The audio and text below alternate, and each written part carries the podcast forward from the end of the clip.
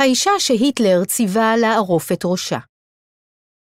מאת נטע חיטוב, קוראת יפעת ניב ברק.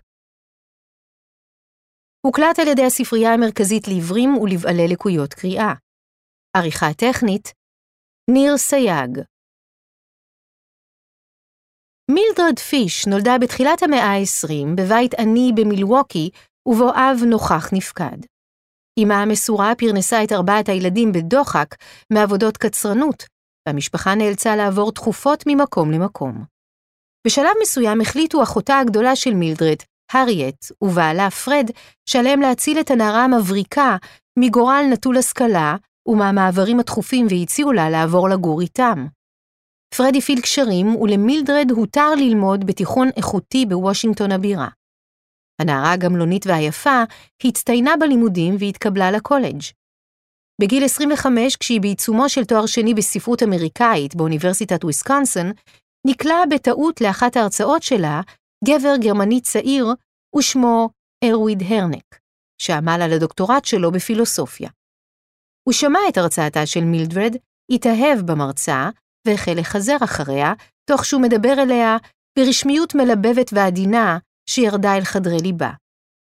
כעבור שישה חודשי התאהבות, השניים נישאו. ב-2 ביוני 1929, בהיותה בת 27, עלתה מילדרד על סיפונה של אונייה שהפליגה אל גרמניה, בעקבות אהובה, שם נרשמה ללימודי דוקטורט. את ימי החול הקדישו השניים ללימודים ועבודה, ואת סופי השבוע לטיולים בטבע הגרמני העשיר. תמיד היו סביבם חברים, אנשים עם סקרנות, חיבה לספרות, לפילוסופיה ולטבע. אנחנו מאושרים מאוד יחד. הוא, ארוויד, מעין עץ אשוח של חג המולד, שכל הנרות בו דולקים, כתבה מילדרד לאמה.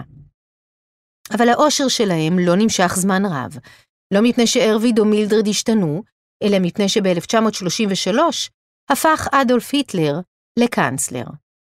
גרמניה עוברת שעות כה חשוכות, כותבת מילדרד במכתב לאמה באותם חודשים, כולם חשים את האיום, אבל רבים טומנים את ראשם בחול. ארוויד ומילדרד, לעומת כל השאר, ידעו מיד מה עליהם לעשות, להתנגד, בשלל דרכים. השניים הקימו תנועת התנגדות בשם המעגל, שהפכה להיות המחתרת האנטי-נאצית הגדולה ביותר בברלין. באמצעותה הם הפיצו תעמולה דמוקרטית בכל דרך אפשרית, עזרו ליהודים להימלט מגרמניה, והעבירו מידע מודיעיני רב ערך לבעלות הברית, בהן רוסיה, בריטניה וארצות הברית. את כל זה הם עשו תוך ידיעה שאם ייתפסו, גורלם יהיה אכזר. ארוויד החל לעבוד במשרד הכלכלה הנאצי, משם העביר ידיעות רבות על מצב הכלכלה הגרמנית ועל הוצאות הממשלה. בשלב מסוים, כדי לבסס את סיפור הכיסוי שלו, אף הצטרף למפלגה הנאצית ונעשה חבר מספר 415-3569. כך, הורשה להסתופף בחברת נאצים אחרים במועדוני החברים שלהם ולאסוף עוד פיסות מידע. מילדרד הייתה אחראית על איסוף פעילים חדשים למחתרת. הייתה לה עין טובה לזיהוי מתנגדי משטר פוטנציאליים, מה שסייע לה להקים תנועה מגוונת, שבה יהודים ונוצרים מכל תחומי החיים פעלו יחד כדי להפיל את השלטון הנאצי. בזכות קשריה עם עובדי שגרירות ארצות הברית בברלין, היא גם זו שסייעה להבריח יהודים מגרמניה. זוג האוהבים פעל באומץ ובנחישות במשך עשור, עד שאט אט המעגל סגר עליהם. הם נעצרו בשנת 1942 על ידי הגסטאפו, שהעניק לקבוצה שלהם את הכינוי התזמורת האדומה, כדי לשוות להם תיוג של תנועת התנגדות קומוניסטית, וחלילה לא של גרמנים, המתנגדים לשלטון גרמני. מילדרד, בת ה-40, עמדה בחקירות ובעינויים בלי לחשוף דבר, אף שחלתה בשחפת והייתה חלשה. השופטים האמינו לטענתה שלא ידעה הרבה, ודנו אותה לשש שנות עבודות פרך.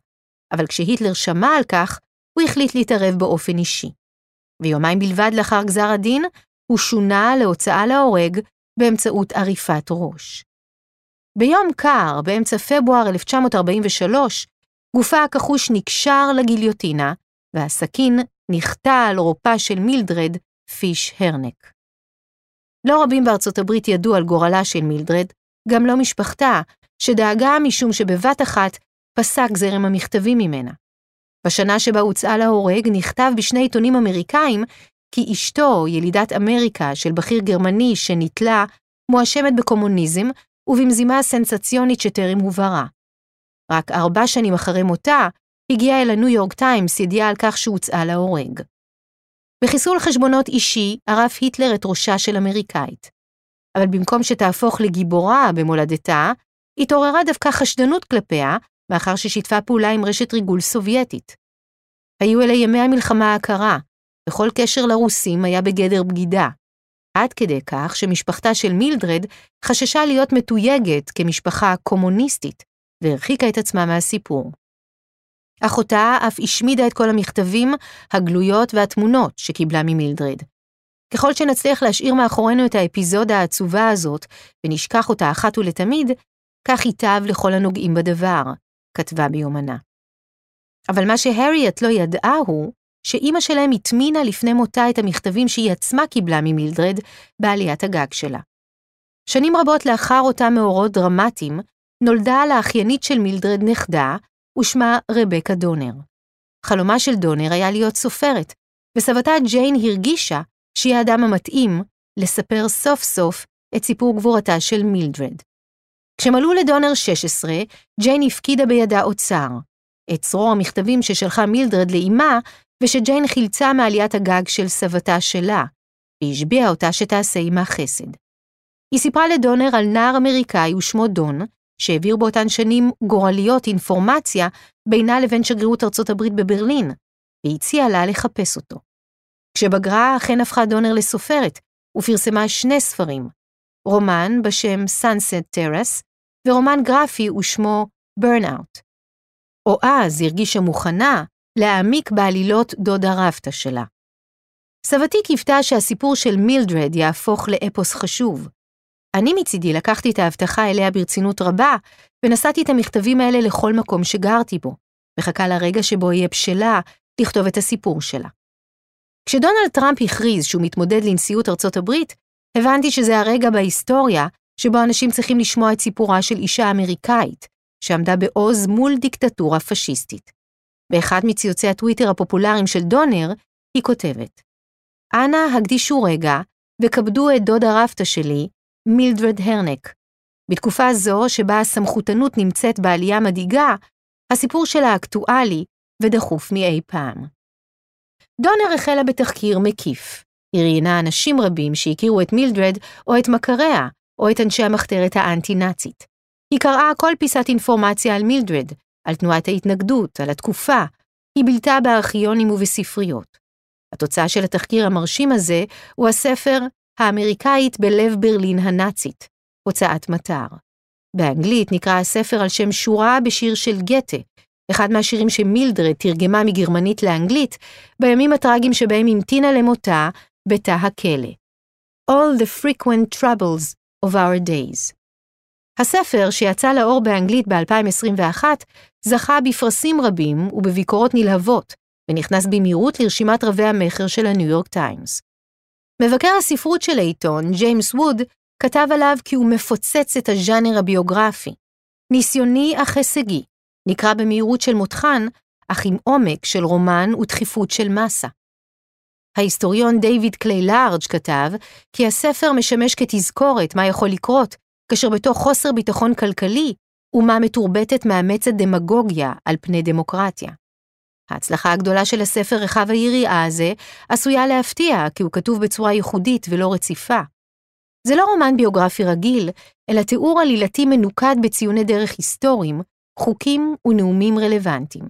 התפרים בו חשופים, כלומר דונר לא מסתירה את המחקר המקיף שערכה, מה שהופך אותו בפרקים מסוימים לספר כמו בלשי, עם התחקות אחר רמזים וראיות. במקביל, שזורים בו גם מסמכים וצילומים. בנוסף, דונר החליטה לא לדמיין או לשער דבר, אלא לכתוב רק מה שמגובה במסמכים ורעיונות. אם מופיעים בספר רגשות או מחשבות, אלה רק כאלה שהדמויות העלו על הכתב. הקריאה בספר היא שילוב קליידוסקופי של ספר היסטורי, שיטוט מאורגן בארכיון וסיפור חייה של דמות גדולה מהחיים. הופתעת ממידת ההצלחה של הספר, או שידעת תוך כדי הכתיבה שעלית על סיפור שידבר לרבים? הופתעתי. ידעתי שהסיפור של מילדרד הוא סיפור טוב, אבל חשבתי שביוגרפים קונבנציונליים לא יאהבו את זה שאני כותבת בזמן הווה, שהיסטוריונים לא יתחברו כי זה לא בדיוק ספר היסטוריה, ושהקוראים לא יבינו מה זה הז'אנר הזה. אם להיות כנה, אני חושבת שההצלחה שלו נובעת בעיקר מהעובדה שאנשים מוכנים לקרוא את הסיפור הזה ברגע הזה, בזמן. התרגום לעברית מרגש את דונר באופן מיוחד. אני מקווה שהוא יהווה השראה עבור קוראים ישראלים לאזור אומץ ולהילחם על מה שמאמינים בו נגד כל סוג של דיכוי. מה דעתך על מצב העניינים בישראל כרגע? אני לא מרגישה בנוח להגיד משהו ספציפי על מה שקורה עכשיו בישראל, כי אני לא ישראלית ולא מספיק בקיאה. רק אומר שמילדרד ראתה איך הדמוקרטיה הגרמנית מתפוררת סביבה במהירות אדירה, לכן זה חשוב שאנשים יזהו את סימני האזהרה ולא יתעלמו מהם. חשוב להילחם למען הדמוקרטיה, כי היא יכולה להיהרס הרבה יותר מהר משנדמה לנו. מעבר לכך שהספר רלוונטי לתקופה הנוכחית בישראל, אני שמחה שהוא תורגם לעברית מעוד סיבה.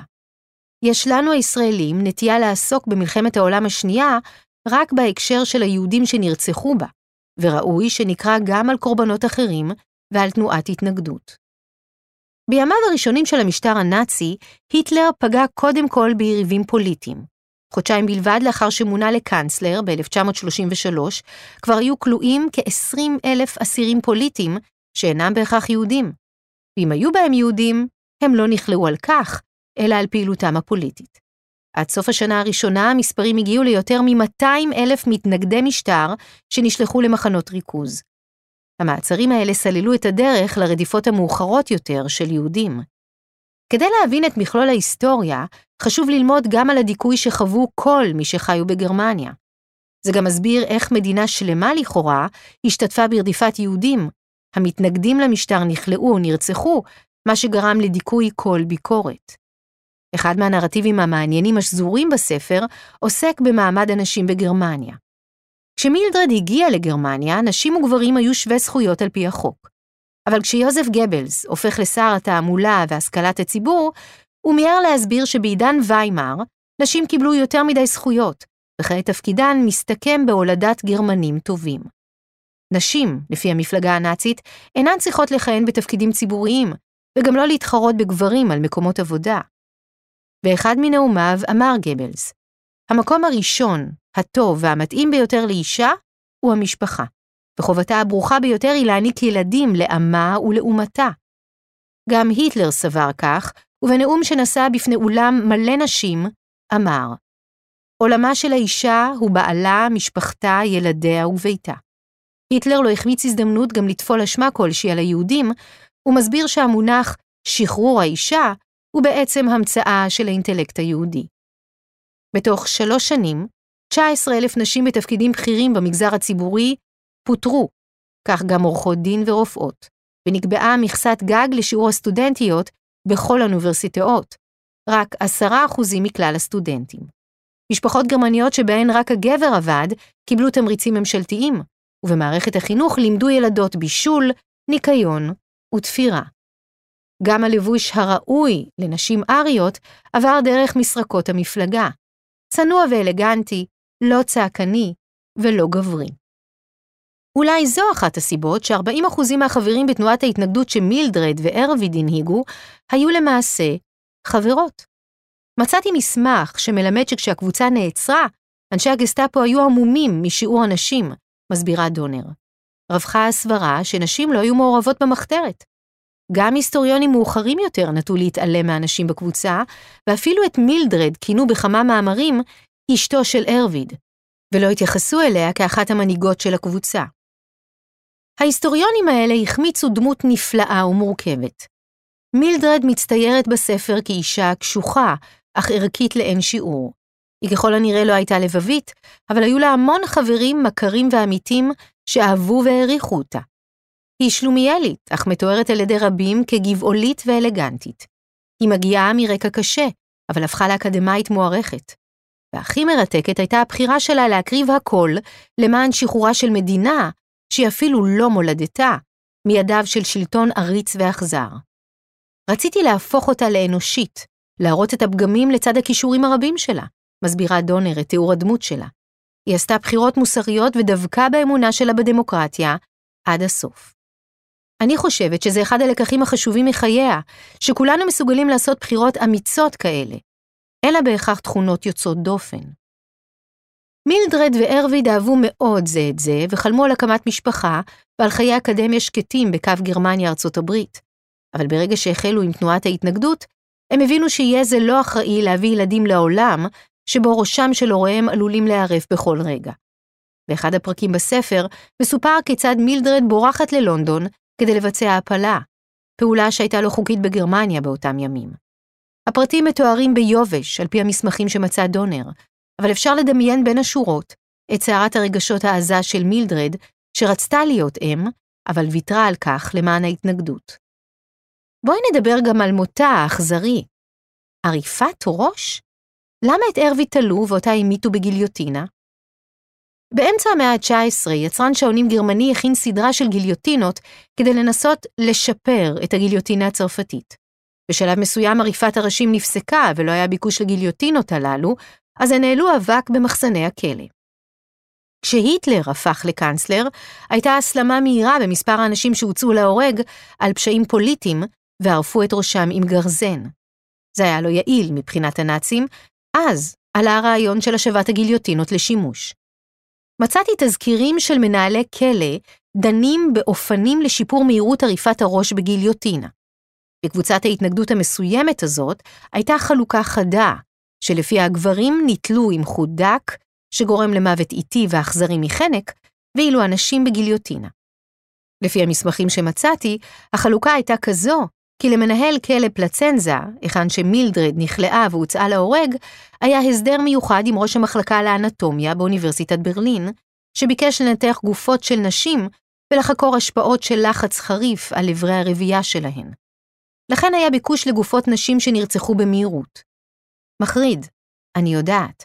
הם למעשה קבעו את שעת ההוצאות להורג לפי שעות המעבדה של אותו פרופסור. מצאתי אפילו רשימה של כל הנשים שהוא ניתח ומילדרד היא אחת מהן. למה את חושבת שהיטלר דרש באופן אישי לערוף את ראשה של מילדרד? אין תיעוד של המניעים שלו, רק של ההחלטה שלו לשנות את גזר הדין של בית המשפט. שמעתי השערה אחת שגורסת שזה מפני שהיא הייתה אמריקאית, והוא רצה לשלוח באמצעות ראשה מסר חריף לאמריקאים. אבל אין לי מסמכים שמאמתים את ההשערה. זה מפנה את תשומת הלב לפערים שנותרו פתוחים בסיפור. הזהרתי מאוד לא להעלות השערות, אלא רק להסתמך על מסמכים מקוריים. הרעיון עם דונר מתקיים בשיחת וידאו מדירתה הזמנית באוקספורד שבאנגליה, שם היא נמצאת כרגע כעמיתה אורחת. בשנה הבאה היא תעבור לאוניברסיטת הרווארד בבוסטון, שבה הוענקה לה מלגת מחקר נוספת. היא נעה ונדה הרבה. היא נולדה בקנדה למשפחה אמריקאית-קנדית, אבל למדה תואר ראשון באוניברסיטת ברקלי הקליפורנית, ואחר כך תואר שני בקולומביה הניו יורקית. גם את הספר על מילדרד כתבה במהלך residency ומלגה שקיבלה למשך שנתיים במרכז לאון לוי לביוגרפיה בניו יורק. בימים אלו היא שוקדת על ספרה הבא, שיפרוס את סיפורה של סופי שול, חברת מחתרת הוורד הלבן, שנתפסה והוצאה להורג יחד עם אחיה האנס. הספר ייצא בקרוב לאור בהוצאת רנדום האוס. זה עוד סיפור על חבורת אנשים, הפעם תלמידים וסטודנטים שהאמינו שעלינו להשמיע את קולנו, לא משנה מה המחיר שנשלם. אני מניחה שרבים אומרים לך, אבל תנועת ההתנגדות נכשלה, כי בסופו של דבר הנאצים רצחו 11 מיליון איש והשתלטו על חצי עולם לתקופה מסוימת. אז מה זה עזר שהייתה מחתרת אנטי-נאצית? מה את עונה על כך? אני דוחה את הרעיון שזה סיפור של כישלון. מילדרד ואחרים בקבוצת ההתנגדות התעוררו בכל בוקר ובחרו איך הם רוצים לחיות את חייהם. בהסכמה למעשה זוועות והרכנת ראש, או שמא בהתנגדות מוסרית לעריצות. בכל יום מחדש הם בחרו באפשרות השנייה, המסוכנת והקשה לאין שיעור, ולכן אני רואה בזה סיפור של ניצחון, במובן זה שהם הראו לנו איך אנשים יכולים לחיות חיים מוסריים גם תחת השלטון הכי לא מוסרי בעולם. והנה, אנחנו מדברות עליה עכשיו, ועוד הרבה אנשים מדברים עליה עכשיו. זה כשלעצמו סוג של ניצחון.